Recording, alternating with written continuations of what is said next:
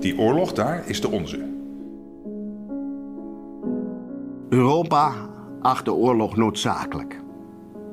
De Europese parlementen gaven staande ovaties aan de president die op al hun schermen mocht aankondigen een bittere oorlog tot de laatste man te zullen vechten.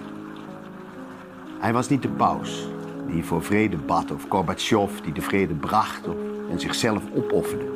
Of Mandela die verzoening boven de rechtvaardige oorlog stelde. Hij was een acteur die de rol koos van Winston Churchill en klaar was het bloed van miljoenen te laten vloeien. In een machtig koor klonk de roep uit de parlementen van Europa. Geef ze wapens, geef ze wapens. Sommige ministers vervielen tot waanzin. Geef deze jonge oorlogspresident de Nobelprijs voor de vrede, want de vrede is tot oorlog geworden. Ik hoorde de machtige leuzen van de Europese leiders toen Europa haar verstand verloor en zichzelf in de afgrond stortte. Wir sind mit die Ukraine, wir wollen den Krieg. Europa wünscht zich Lebensraum nach Osten. Onze eigen premier Rutte toonde zich een van de meest overtuigde stemmen in dit machtige gezelschap van oorlogshitsers. Die oorlog daar is onze oorlog. Die oorlog daar is de onze. Dames en heren, ik zal u de oorzaken van de Oekraïne-oorlog schetsen. Die in de dominante media worden verzwegen en geregeld gemanipuleerd. Ik zal u aangeven wat te kiezen op dit kruispunt van de Europese geschiedenis. Bij het einde van de Koude Oorlog in 1990 zijn er vredesafspraken met Sovjet-leider Gorbachev gemaakt. De OVSE moest daarin het veiligheidsfundament voor Europa worden. De NAVO zou blijven bestaan, maar geen inch oostwaarts oprukken. De NAVO heeft die afspraken in 1999 geschonden en sindsdien 14 Oost-Europese landen ingelijfd. Eén land mocht steeds niet meedoen.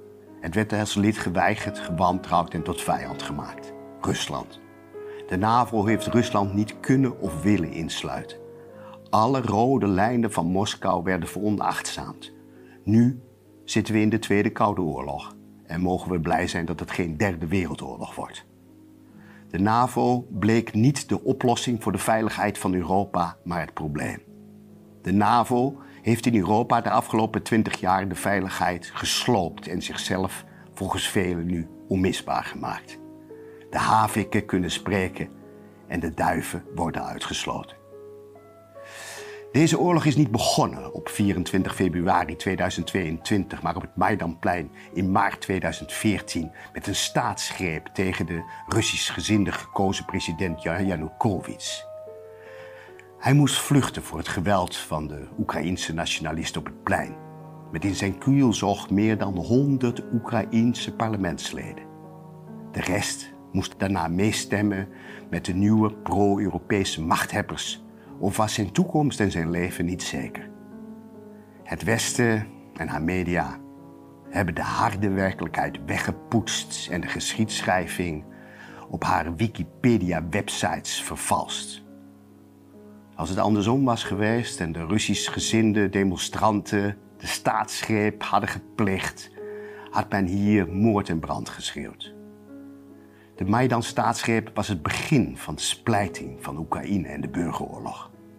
De regering op de Krim en de besturen van de oblasten Donetsk en Lugansk verklaarden zich onafhankelijk. Ze schreven referenda uit en kregen massale steun van ruim 80% van hun bevolkingen. Ze zijn namelijk Russisch-talig en Russisch gezind en wilden toen al bij de Russische Federatie en dat is niet veranderd. Oekraïne is namelijk voor velen geen fijn land om in te wonen. Het is arm, het is corrupt, het is verdeeld en het is discriminerend. Zo liggen daar de feiten. Het Westen noemt de laatste referenda in de Volksrepubliek Donetsk en Lugansk en de regio Zaporizhia en Gerson schijnreferenda. Dat komt de Nederlandse regering en haar slaafse media ook om andere reden goed uit. Velen hebben een weerzin tegen referenda. Ze houden niet van directe democratie, ze wantrouwen het volk. Ze noemen mensen in gebieden die zich afscheiden separatisten. En ze lijken vergeten dat Nederland is ontstaan door het separatisme van de zeven provinciën die zich afscheiden van Spanje. Weet u nog? Nederland ontstond omdat onze voorvaderen in het plakkaat van verlatingen zich het recht toe-eigenden de Nederlandse provincie af te scheiden van Spanje.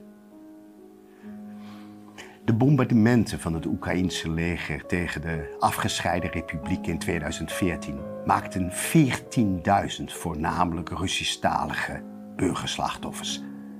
Rusland heeft zich in de Oekraïnse burgeroorlog uitermate beheerst gedragen. President Poetin ging in gesprek met Oekraïne, Duitsland en Frankrijk en verkreeg voor de Volksrepublieken autonomie en aftocht van de Oekraïnse troepen. Rusland hoefde in 2014 de Donbass niet te annexeren, want ze ging akkoord dat ze binnen Oekraïne zou blijven. Maar de Minsk-akkoorden werden door Oekraïne niet uitgevoerd. Het Oekraïense leger had West-Donetsk bezet en weigerde te vertrekken. Het bedreigde nog steeds de hoofdsteden van Donetsk en Lugansk. President Poetin doet iets dat westerse leiders van grote naties allemaal ook zouden doen. Hij zegt Russisch-talige en Russisch-gezinde mensen te beschermen tegen Oekraïnse agressie en onderdrukking.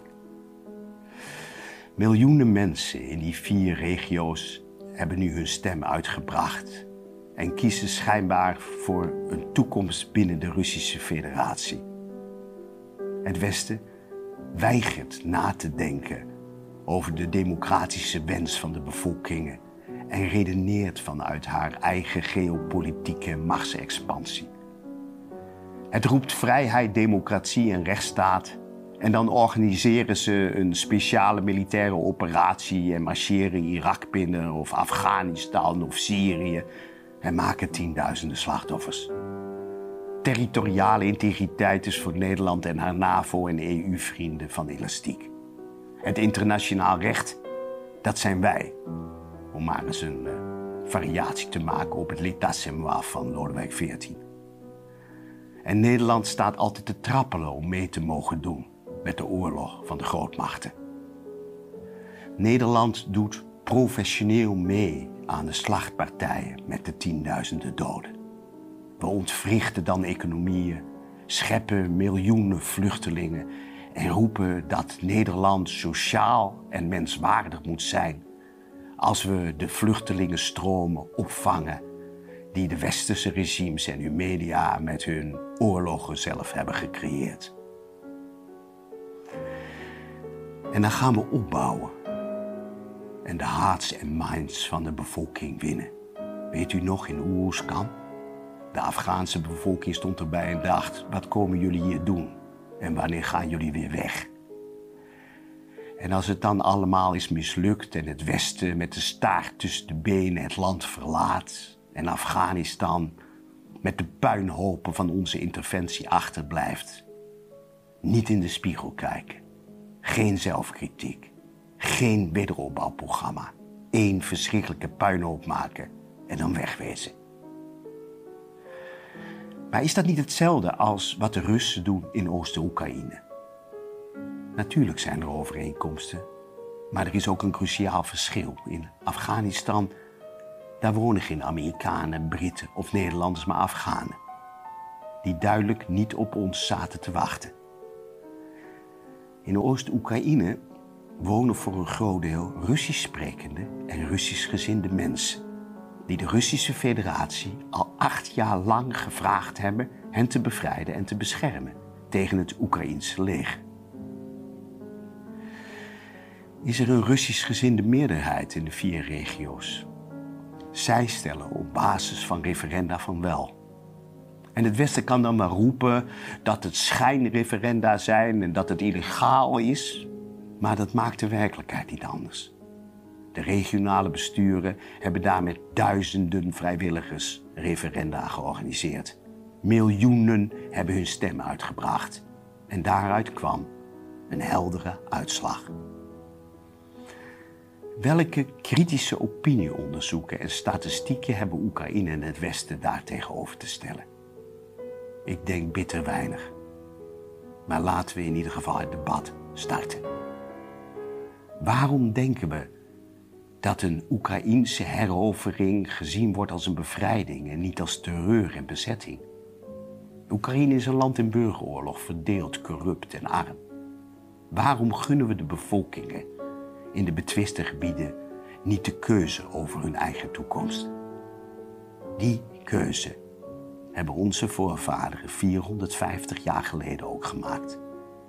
Het Westen en Nederland hebben een uitermate slechte staat van dienst als het gaat over het inschatten en respecteren van de volkswil elders in de wereld. Zij heeft met haar kolonialisme en haar postkoloniale buitenlandse missies pijnlijk vaak de wil van de volkeren in de landen waar ze militair interveneerde verkeerd ingeschat. Allemaal het gevolg van tunnelvisies en illusiepolitiek. Die oorlog daar is de onze. Die oorlog daar is onze oorlog, stelde premier Rutte. Hij is een hardliner in het NAVO-kamp en in Nederland oorlogshitser nummer 1. De schaduwen uit de gewelddadige Europese geschiedenis bedreigen ons. Denk aan de miljoenen doden aan de front in de Eerste Wereldoorlog. Denk aan de slachtpartijen in het Europa van de Tweede Wereldoorlog. Denk aan de cynische politiek van diep wantrouwen en nucleaire afschrikking in de Koude Oorlog. De geschiedenis komt ons met iedere nieuwe escalatie in Oekraïne dreigend tegemoet. De NAVO, de Europese Unie, Rusland en het steeds hardnekkiger Oekraïense regime zitten in een zelfvernietigende spiraal. Stop de escalerende wapenleveranties die alleen maar jonge levens vernietigen en Oekraïense burgers in het ongeluk storten. Stop de anti-Russische sanctieoorlog die in ons eigen gezicht ontploft. Stop het falend sanctiebeleid die onze energieprijzen opdrijft, onze exportsector zwaar beschadigt en Europa in de ernstigste crisis sinds de oorlog heeft gestort. Stop de oorlog legitimerende propaganda van de westerse media. Het is de hoogste tijd voor de onderhandelingstafel. Het is de hoogste tijd voor heling van de geslaagde wonden. Het is de hoogste tijd de bevolking zelf in de betwiste gebieden het laatste woord te geven in een referendum onder VN-toezicht. Het is de hoogste tijd voor een opdeling van Oekraïne in een Russisch gezind en een Europees gezind deel.